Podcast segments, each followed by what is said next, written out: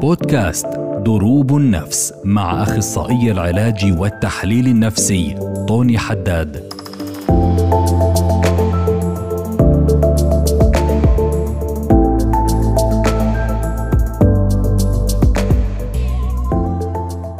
أهلا وسهلا فيكم في الحلقة الأولى من بودكاست الصحة النفسية. معاكم طوني حداد معالج نفسي ومتخصص في التحليل النفسي. اليوم حلقتنا الأولى وفي عنا ضيف. وهذا الضيف وهو أحد أعمدة الصحة النفسية مش بس في البلاد ومش بس في العالم العربي إنما على المستوى العالمي.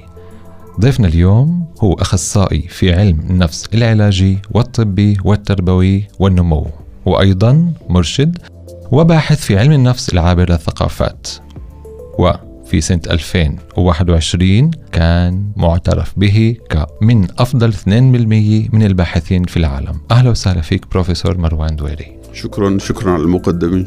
بروفيسور مروان هيك لطالما أنا طبعا كنت أتابع كتاباتك وأتابع مقالاتك إن كان في اللقب الأول إن كان في اللقب الثاني وواحدة من الأمور اللي أنا انتبهت لها هي إنه في التأهيلات العلاجية تبعتنا قلما يذكر كل الموضوع تبع العلاج النفسي في المنظار الثقافي. وبتسأل بهذا المحل حسب رأيك إيش السبب؟ هل إشي له علاقة كوننا موجودين في هذا المحل في الكرة الأرضية في العالم؟ ولا حسب رأيك بتشوف إنه التأهيل العلاج النفسي فيه هاي المشكلة إنه ما بيتطرق للثقافي صحيح هو علم النفس اللي إحنا ندرسه جذوره هي غربية يعني نشأت في أوروبا وفي أمريكا وعلم النفس أجا في رأيي كظاهرة مرافقة لتحول الغرب لمجتمع فرداني individualistic. لما صار في كيان اللي اسمه فرد هون نشأ علم النفس. بده يفهم هذا الفرد كيف بتطور كيف بفكر كيف بحس شو الاضطرابات اللي عنده شو الوضع العادي اللي عنده وكمان كيف نربيه وكيف نسيطر عليه وكيف نعالجه.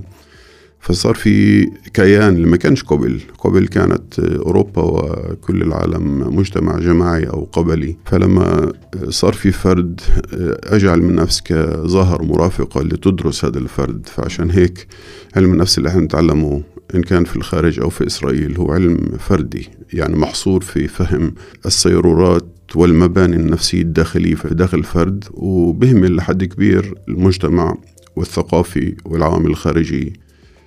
ما عدا بعض النظريات اللي بتتطرق لها بس تتطرق لها بشكل كتير سطحي. والجانب الثقافي أنا في رأيي هو الجانب الأساسي لأنه إحنا كائنات ثقافية بنتنفس الثقافة اللي متربى فيها بمعنى القيم والعادات والأنماط السائدة في المجتمع اللي إحنا بننشأ فيه. هذا بصير جزء من شخصيتنا ولا يمكن إهمال هذا الجزء إذا بدنا نفهم الفرد. يمكن هذا الشيء بخليني أسأل حالي عن كل الموضوع تبع الذات الحقيقية والذات الزائفة. هل الثقافة هي جزء من الذات الحقيقية تبعتنا؟ ولا هي بشي محل كمان جزء من الذات الزائفة تبعتنا.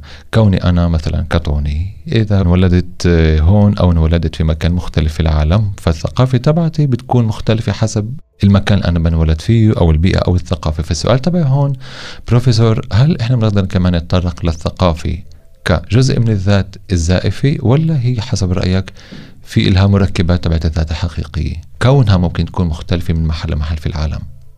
هي التقسيمة هاي بين ذات حقيقي وذات زائف. هي تقسيمة هيك فيها إشي قصري. ومش كتير بيوضح تعقيد السيرورات النفسية. عمليا كل شخص بتربى في بيئة معينة. هو يأتي للدنيا مع شحنات وراثية معينة اللي بتعطيه بعض الصفات أو بعض الاستعدادات لأنه يكون ذات صفات معينة إن كان مواهب أو قصور أو أي شيء من هذا النوع. ومن اليوم الأول هو يتفاعل مع البيئة اللي حواليه مع أهله والبيئة اللي حواليه. وأهله والبيئة اللي حواليه حاملين ثقافي حاملين توجيهات من خلال سلوكهم من خلال تنبيهاتهم من خلال الأخلاق اللي بنقلوا له إياها من خلال خبرته فبتشرب آه القيم والعادات والأنماط التفكير وأنماط السلوك اللي, اللي حواليه من هو صغير. يعني أنا بدي أقبل الفصل بين ذات حقيقي وذات زائفي بس أنا بعتقد أنه التنتين آه متأثرين بالثقافة.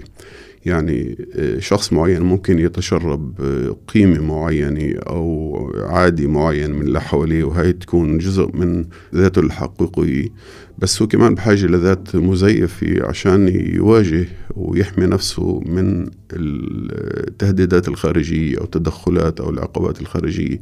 فكمان بالذات الزائفة في يعني الصيرورات اللي ثقافية. يعني نأخذ في المجتمع العربي واحدة من العوامل اللي ممكن ننسبها للذات المزيفة هي آه، أسلوب المسايرة. لما أه. أنت لما أنت بتساير. صحيح. بتساير هي طريقه عشان تحمي نفسك وتخبي نفسك الحقيقية من المجتمع اللي ممكن يحكم عليك وممكن يعاقبك.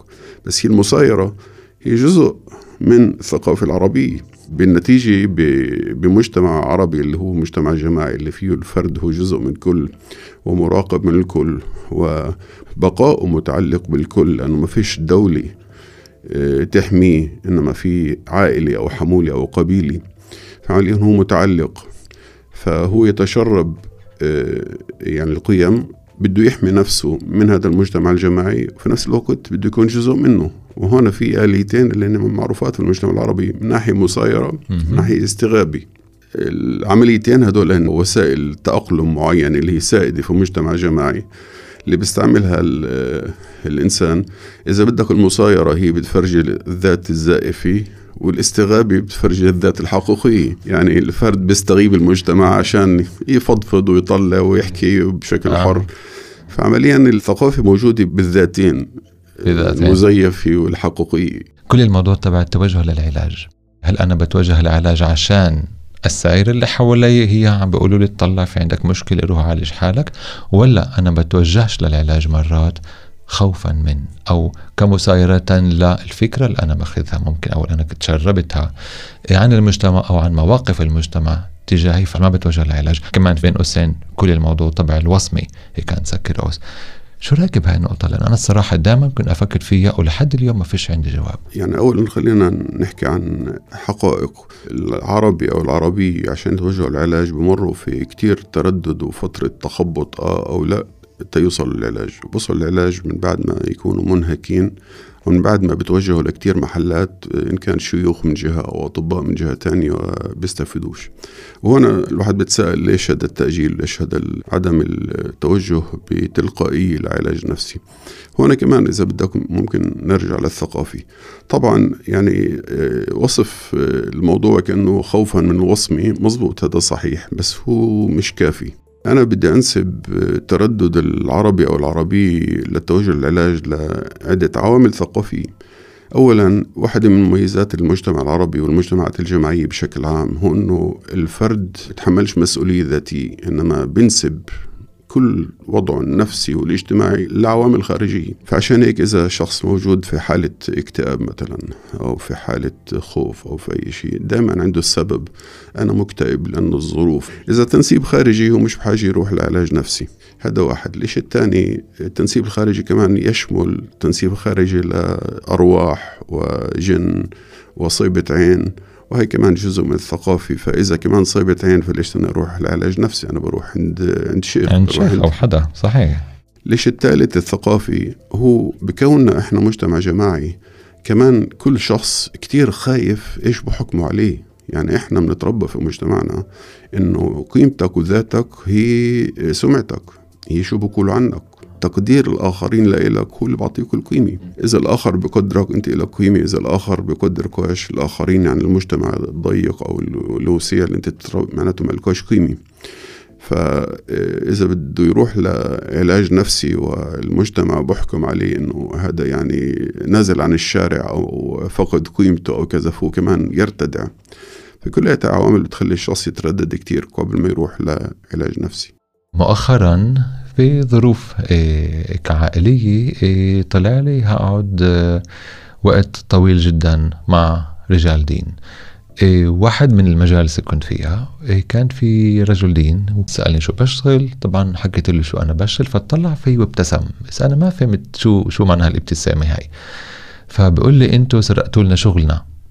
أنتوا اخذتوا النفس البشرية وبديتوا تشتغلوا معاها وعم بتساعدوا الناس تبطل تخاف وبالتالي مش عم بتوجهوا لنا هو طبعا ضحك واللي حواليه ضحكوا. سألته شو القصد؟ فحكى لي جملة قال لي رأس الحكمة مخافة الله.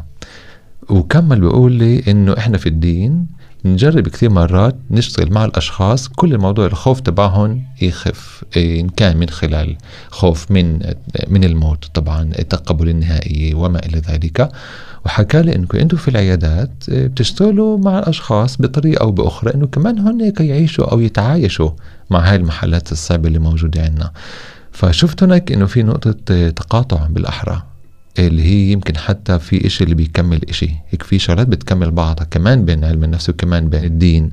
إيه ومن هون بدي عن كل الموضوع تبع قبل ما يتطور علم النفس. طب النفس كانت موجودة دائما هل بتشوف إنه تطور النظريات الغربية أو الفردية تعال نقول هل هي ترتكز أساسا على المفهوميات الجماعية للنفس بما معنى مثلا اليوم على بداية علم النفس الحديث تعال نسميه إنه بالأساس آه، مثلا أبراهامز أو فرويد هن في الأساس ارتكزوا على فهم ودراسة البوذية والبوذية طبعا هي جاي من مجتمع هو آه، جماعي فهل بتشوف في نقط تقاطع بين الغرب والشرق بالنسبة لمفهوم تبع علم النفس أو الصحة النفسية؟ قبل نشوء علم النفس اللي بدي من فرويد و... وما تلاه كان في اضطرابات نفسية وكان في أمراض نفسية وكانت تعالج بطرق آه، طرد آه، جن إن كان من خلال الكنيسة أو من خلال الشيوخ. أو من خلال آه، عقاب أو إقصاء أو كانوا يحطوا المرضى بمحلات يبعدون عن الناس أو أنواع أكل أو أنواع مواد اللي يعطوني إياها. فرويد جاب الفكرة اللي هي برأيي بداية علم النفس إنه لما في اضطراب نفسي بالذات لما اضطراب هستيري اللي فيه إشي جسدي هذا نابع من صراعات نفسية في داخل البني آدم وحدد أنه بداخل البني آدم في غرائز في شهوات في كمان عقل وفي ضمير وهدول الثلاث مكونات بتصارعوا مع بعض وفي مجتمع برا بيعاقب وبيعطي مكافآت حسب فحدد الساحة المنطقة اللي فيها آه، بيلعب علم النفس اللي هي إذا بتلاحظ كلياتها مكونات في داخل البني آدم غرائز وعقل وضمير. والعوامل الخارجية بس عوامل هيك يعني بتساعد في التنشئة بس بعد ما الواحد بيكبر حسب فرويد. يعني المباني اللي في داخل شخصيته اللي هن دول الثلاث مباني اللي حكيتهن هن اللي بحددوا كيف يتصرف بحددوا شخصيته. من خلال كمان سيرورات اللي غير واعي اللي بتشمل آه، دفاعيات نفسية اللي الواحد بزيف الحقائق على حاله بكبت وبنكر ويسقط على الآخرين وكمان بزيف على الآخرين. فهي المنطقة اللي رسمها فرويد وكل علماء النفس اللي أجوا بعد فرويد رغم اختلافهم معه ورغم تناقضهم معه أنا في رأيي آه، لازم آه، يعترفوا في دور فرويد في تطوير آه، نظريات المناقضة له لأنه أه هو حط أه أفكار صحيح. استفزازيه بالاخر حتى اللي طور نظريات ضده بنوا على كتافه كل بده إنه فرويد يقول كذا وكذا وكذا أما نحن نقول كذا. بالتالي بشي محل كمان أعطوا دعم لنظريات تبعته آه. بكثير محل. آه طبعا في من يدعم في من انشق عنه في من عارضه وفي من استخف فيه بس كلياتهم بالآخر هو حط احجار الأساس لكل علم النفس وعلم النفس بعدين انبنى. آه، طبعا الدين يعالج نفس المنطقة المنطقة النفسيه والروحانيه والاخلاقيه للبني آدم. بس بعالجها بمفاهيم مختلفة. مفاهيم اللي هي دينية هسه هو بقول إنه الدين بيشتغل على تهدئة الخوف. أنا بفكر الدين بيلعب بالدورين. يعني في ناس المتدينة آه، تتوكل وتثق بربنا وهيك بتهدي نفسها من أي مأزق وبتخافش. وفي ناس بالعكس. لأنه متدينين بضلوا خايفين من العقاب ومن جهنم ومن عقاب الآخري.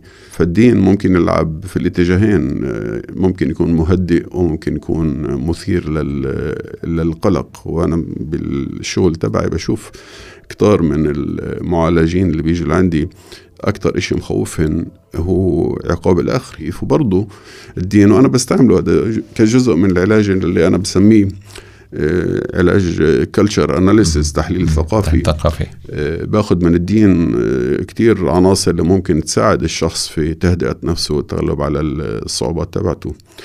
فمظبوط إحنا بنشتغل في نفس المجالات. أنا مظبوط بستخفش في العلاج الديني. الإيمان والقناعة بشغله معينه بتأثر على النفس والجسد. يعني أي شيء الواحد بيتخيله دغري في رد فعل جسدي وعاطفي. يعني أذهاننا اللي بتقدر تتخيل مشاهد مخيفة بتخلي دقات القلب تتسارع. إذا متخيل إشي مقزز بصير الواحد يستفرغ فالخيال نفسه بيشتغل. هذا ما يسمى بلاسيبو افكت في مثل عندنا بيقول استقعد بالحجر بنفعك. آمن بالحجر ممكن ينفعك. بالفعل أنا لما أنا بآمن بالحجر فبصير في عندي زي ما حكيت. وبدي أرجع شوي كخطوة لورا وأذكر إشي أنت طبعا كمان ذكرت وأشدد عليه إنه كمان حتى لما بيكون في عنا الإيمان أو التوجه لربنا كمان هناك بيكون في نوع من تنسيب الأمور إلى الخارج.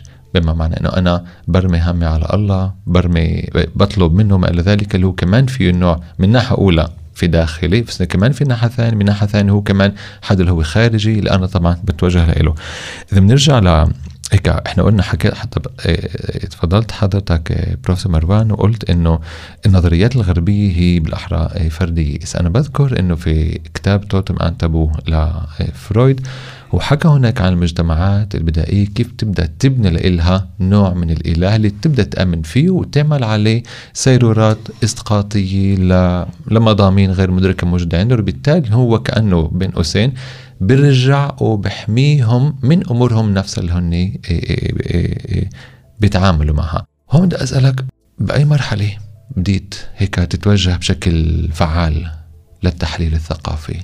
لأنه في عندك كتابات كبيرة بهذا المجال وبحث طويل. أنا فتحت أول مركز الخدمات النفسية بسنة 78 في النصري. وكنت متخرج في من جامعة حيفا ومتشرب كل النظريات الغربية ومآمن فيها وعامل كل المطلوب براكتيكوم ومدرب وحاضر. فتحت المركز في الناصري ومن الأشهر الأولى تبين إنه يعني النظريات اللي أنا تعلمتها والأدوات اللي تعلمتها بتشتغلش تماما مع سكان الناصري في البداية شو بتشتغلش؟ بمعنى إنه أنا متعلم إنه الشخص بيلتقوا مع حدا بيعاني وهذا الحدا بيشاركه بفضفض. بيحكي عن مشاعره. وأنا مستصعب أسمع مشاعر من اللي بسأله مثلا شو حسيت لما أبوك عمل كذا؟ بقول لي كان لازم يعمل هيك بس أنا بدي أفهم شو حسيت إيش شعورك؟ آه ما هو هيك مطلوب مني أنا كابنه لازم يعني أنا بسأل سؤال مشاعر هيك علموني. أو هو بيجاوبني أجوبة قيم وعادات. مش شو حاسس. فيعني كان واضح إنه التوجه الغربي اللي فيه المعالج ينفتح للمعالج وبخوضوا تجربة في قراءة الطفولة وكل هذا ما كانش متاح لأنه جاي شخص مع أزمة معينة. وأنا بسأله عن طفولته شو, شو خص هذا بهذا يعني بعقله. فكان صعوبات شديدة في البداية اللي طبعا أنا رد فعلي إنه يعني الناس مش فاهمة علم النفس فلازم أفهمها عن علم النفس. بعد سنوات وفعلا بعد سنوات يعني أنا انتبهت إنه لا مش الناس اللي مش فاهم علم النفس. علم النفس مش فاهم هدول الناس. علم النفس الغربي مش فاهم المجتمعات الجماعية. بعدين تبين إنه في كل العالم نفس الشيء في أمريكا اللاتينية وفي أفريقيا وفي آسيا بعد نفس الشيء. إنه علم النفس اللي هو فردي بتيجي تطبقه في مجتمع جماعي بيشتغلش تماما بتحس إنه الناس لا يلائموا النظرية بينما النظرية اللي مش ملائمة للناس. ومن وقتها بديت اشتغل على تطوير نظريات و models للتدخل اللي بتناسب المجتمعات الجماعية. أنا وآخرين يعني أنا عضو في جمعية عالمية لل cross cultural psychology اللي كلنا مشغولين في هذا الموضوع. كيف أيوة. نلائم علم النفس أو نطور علم النفس يلائم المجتمعات الجماعية؟ السؤال تبعي هون هل إحنا كمهنيين في مجال الصحة النفسية هل دورنا نشجع الفرد على تطوير لغة جديدة اللي يقدر يوصف وين هو موجود مشاعره ويقدر يتعامل مع الأمور اللي بتضايقه وبتزعجه بطريقته هو. ولا إحنا بدنا ناخذ اللغة اللي هي موجودة وقائمة اللي هو طبعا بيتشربها ومن خلالها نجرب نوصله. إذا أنت بتطلع على المودلز اللي أنا بقترحها في كتاباتي أنا بتعاملش مع المجتمع الجماعي لأنه هني يعني أفراد متشابهين. في نفس المجتمع تبعنا اللي يميل إنه يكون مجتمع جماعي بالمقارنة مع الغرب في أفراد اللي هن كتير فردانيين وفي أفراد اللي هن كتير آه، يعني مش موجودين كأفراد مستقلين إنما جزء من. يعني بعدها شخصيتهم متعلقة وتفكيرهم متعلق وبتسأل إذا بدي أوصف مين هو الشخص اللي يحمل ثقافة جماعية هذا الشخص إذا بتسأله إيش أنت بدك وإيش أهلك بدهن بيطلع نفس الشيء. إيش أنت بتفكر وشو رأيك إيش رأي أهلك بيطلع نفس الشيء. آه، إيش آه، المواقف الأخلاقية أو السياسية تبعتك أو إيش لك تطلع نفس الشيء. هذا بفرجي إنه يعني هون في مجموعة بتفكر نفس الشيء بتحس نفس الشيء عايشة وحدة جماعية قائمة بذاتها وما فيش انفراد لل بينما الشخص الفرداني هو شخص اللي عنده رأي مختلف عن أهله وعنده حاجات مختلفة. ممكن يكون في جدال أو حتى في صراع مع أهله. آه، انه وبيكون طبعا في علاقة مع أهله وعلاقه ممكن تكون طيبة بس في اختلاف. علاقة بين طرفين مختلفين. أهل شكل وهو شكل تاني.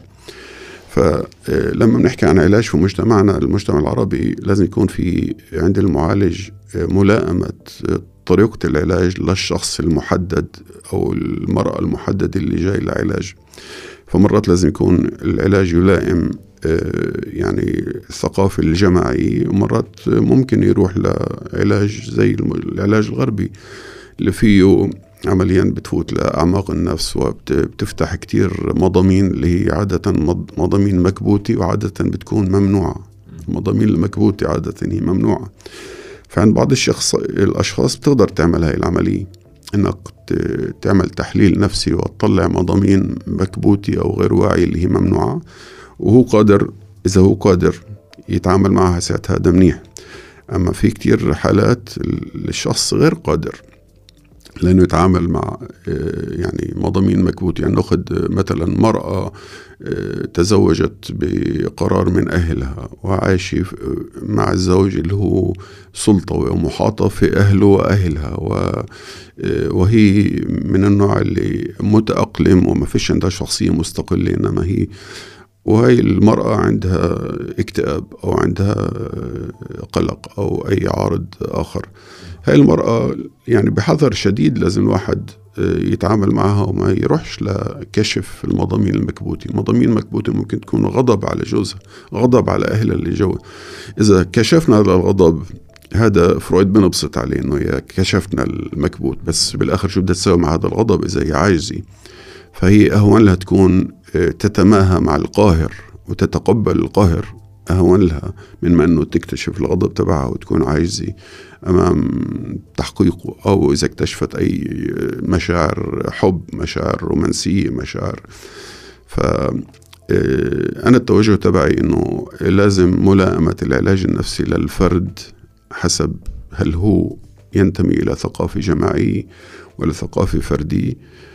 إذا ثقافة فردية بتقدر تشتغل معه بالطرق الغربية بكشف المضامين هاي إذا إذا هو بثقافة جماعية بدك تشتغل معه بطرق تانية طرق اللي ما تكشفش هاي إنما طرق اللي هي اندايركت وأنا بكتاباتي بقترح عدد من الطرق كيف الواحد يشتغل مع حالات من هذا النوع حتى الأدوات الاندايركت مش هي مرحلة بالنهاية بتهدف لتحرير النفس من المعاناة تبعتها أو صحيح. من الآلام تبعها صحيح. فيمكن مش بشكل مباشر ممكن بشكل غير مباشر يمكن مش من خلال تطوير لغة فردانية تبع شو أنا حاسس شو أنا بفكر إنما من خلال تعال نحكي عن فلان أو فلان أو فلان طبعا حسب الشخصيات اللي الشخص بيجيبها. فهون من ناحيه اولى في عنا إنه اللغة الفردانية ممكن تتوفر في مجموعة اللي هي جماعية ممكن تتوفر بصورة معينة بس بنفس الوقت أنت بتحكي بتقول إنه ممكن يكون فيها خطورة معينة. وبالتالي اللجوء للتحليل الثقافي ممكن كثير مرات يحمينا من هذه الخطورة أو يحمينا من هذا الكرايسز اللي ممكن يحط المعالج أو المتعالجة. في مأزق معين الاعتداء الداخلي العائلي. كثير مرات مثلا بالعلاج بنشوف إشي معين وبنختار نستنى نستنى نستنى ونعطي الإشي وقته لحد ما الشخص يكون قادر يواجه مضامين معينة. بهاي المحل بتخيل الفكر النفسي العلاجي الغربي كمان هو بيطلع على هاي المواقف بنظرة مشابهة إنه ما ما نفتح الأشياء بشكل أسرع إيه، من ما شو الشخص نفسه ممكن يتحمل. من هذا المحل أنا كثير مرات بتساءل إنه التحليل الثقافي وكمان التحليل النفسي الغربي تعال نسميه إنه بشي محل كمان اثنيناتهم بيتفقوا بكثير محلات بكثير شغلات بالذات بالمحلات تبعت إنه إحنا ما بدنا الإنسان يمرق كرايسيس أو انهيار حتى في التحليل النفسي إذا بيجوا ثلاث مرات أو أربع مرات في الأسبوع كمان هناك كثير مرات إحنا بنكون حذرين فالسؤال هون هو وين الاختلاف؟ في طبعا تقاطع قضية الحذر من إنه ما ناخدش الشخص لمحل اللي هو غير قادر على مواجهته هذا متفق عليه. بس هاي القضية هي صعبة أضعاف في مجتمعنا عن المجتمع الغربي. المجتمع الغربي أنت بدك تتغلب على resistance أو المقاومة الداخلية عند الشخص. هو مش جاهز. هو بعده آه، بفكر آه، بالتفكير اللي نشأ عنده بطفولته وبعده في حالة transference في نقلي. وبعده هناك فأنت تشتغل معه على آه، يعني تخفيف المقاومة الداخلية. بس في مجتمعنا في مقاومة داخلية وفي مقاومة خارجية. يعني المرأة اللي ذكرتها قبل شوي كمثال يعني إذا اكتشفت غضبها على أهلها أول إشي مش سهل هي تلامس هذا الغضب لأنه كمان هي متربية على إنه تحترم أهلها وانتمائها وهذا جزء منها ومش سهل هي تقبل إنه أنا غضباني. هي كمان في وسائل لأنه المفروض إنه تخطينا تخطينا هذا الموضوع واكتشفت إنه هي فعلا غضبانة على أهلها اللي جوزوها بدون ما يسألوها ومنعوها تتعلم وجوزها اللي كذا وإلى آخره. كمثال هاي المقاومة الداخلية بس بعد في مرحلة ثانية اللي هي المقاومة الخارجية. نفرض إنه بديت تكون اسرتيف هو هدف العلاج النفسي بالآخر إنه الشخص يكون مين هو يحقق ذاته. نفرض بدها تحقق ذاتها. طب كيف بدها تواجه كل هاي السلطة الخارجية؟ هناك في قمع ممكن يؤدي مش بس لعقاب جسدي ممكن يؤدي لقتل ممكن يؤدي لإقصاء. يعني فعشان هيك الحذر في مجتمعنا لازم يكون أضعاف أضعاف. فقبل ما تمشي في الصيرورة وتنبسط على حالك كمعالج إنه أنا هي عملت تحليل واكتشفت المخفي والخفايا النفس شو بدك, تتأكد إنه هي قادرة إنها تحمل هذا الاكتشاف وتتقدم فيه. عشان هيك بيجي دور التحليل الثقافي. التحليل النفسي بيكشف تناقضات في داخل النفس. يعني مثلا في عندي رغبة أو غريزة أو دافع معين يتناقض مع تفكيري أو يتناقض مع ضميري وأنا في صراع بيني وبين حالي. فالتحليل النفسي بيكشف المضامين هاي. التحليل الثقافي بيكشف التناقضات في داخل المنظومة الثقافية للمعالج. وهذا مبني على فرض وهذا يعني أنا كاتب عنه كتاب كامل مبني على فرض أن كل ثقافي فيها الإشي ونقيضه. كل ثقافة فيها الإشي ونقيضه. حتى كل دين تقدر تطلع منه الإشي ونقيضه. تقدر تطلع آه، يعني عناصر تدعو إلى العنف وعناصر تدعو إلى التسامح. تقدر تدعو عناصر تقول لك أنت مسؤول عن حالك أو عناصر من نفس الدين بتقول قضاء وقدر. إذا بيجي الشخص لما بيجي لعلاج مع مشكلة مش مهم إيش المشكلة آه، المنظومة الثقافية اللي هو متبنيها من منظومته الأوسع هي جزء من المشكلة يعني مثلا ممكن يجي شخص مآمن إنه هو مش لازم يغضب لأنه آه، المسيح بيقول من ضربك على خدك الأيمن وجه له الأيسر. هذا الشخص لازم يعرف إنه كمان المسيح نفسه كان مرات يغضب فيعني مسموح الغضب. طبعا فهذا الشخص إذا بينتبه إنه في داخل المنظومة الثقافية تبعته مسموح الغضب فهذا بداية للتغيير. نفس الشيء من الديانة الإسلامية. ممكن تأخذ كتير شغلات اللي ممكن شخص يجي خايف من عقاب الله وعقاب الآخري ويطلع ويلامس العناصر الثانية اللي هي الله غفور رحيم ويأخذ عناصر ثانية اللي ممكن تساعده. فالتحليل الثقافي هو عمليا بيكشف آه، المعالج على آه، أجزاء جديدة من داخل منظومته الثقافية مش منظومتي أنا كمعالج أنا بفرضش عليه أي شيء بس من داخل منظومته نفسه هو بتعرف بوسع دائرة تعرفه على منظومته ليأخذ منها توجيهات وقيم جديدة اللي تسهل عليه في توازنه النفسي وفي التأقلم الجديد. تخيل بالنهاية آه، التحليل الثقافي أو التحليل النفسي باثنيناتهم بيهدفوا يقدروا يجيبوا الفرد لمحل اللي كمان يقدر يشوف التركيبات اللي كمان متضاربة في نفس الوقت يقدر يحتوي أو يقدر يتعامل مع مع هاي التعقيدات والتضاربات ويكون على قدر كافي إنه يقدر ينتبه وين الأشياء مفروضة عليه وين الأشياء ممكن يختارها وعلى قدرته على الاختيار. إيه ولكن للأسف الوقت عم بفرض علينا إنه ننهي. إيه. وبهذا ما فيش اختيار. هون ما في عنا اختيار. فبروفيسور مروان بدي أشكرك جدا جدا جدا. طبعا أنا سعدت وسررت بلقائك وبتخيل إحنا بحاجة لعدة لقاءات عشان نقدر نكفي هيك واحد بالمية من المواضيع اللي عم تنفتح هون معك. شكرا لك بتمنى لكم التوفيق في هذا المشروع. هذا المشروع كتير مهم لأنه الناس كتير بحاجة تسمع عن علم النفس لأنه أي شيء بنحكيه هو بلامس تجربة من تجربة المستمعين وبيفيدهم شكرا لك يعطيك ألف عافية. كنتم مع بودكاست دروب النفس مع أخصائي العلاج والتحليل النفسي طوني حداد.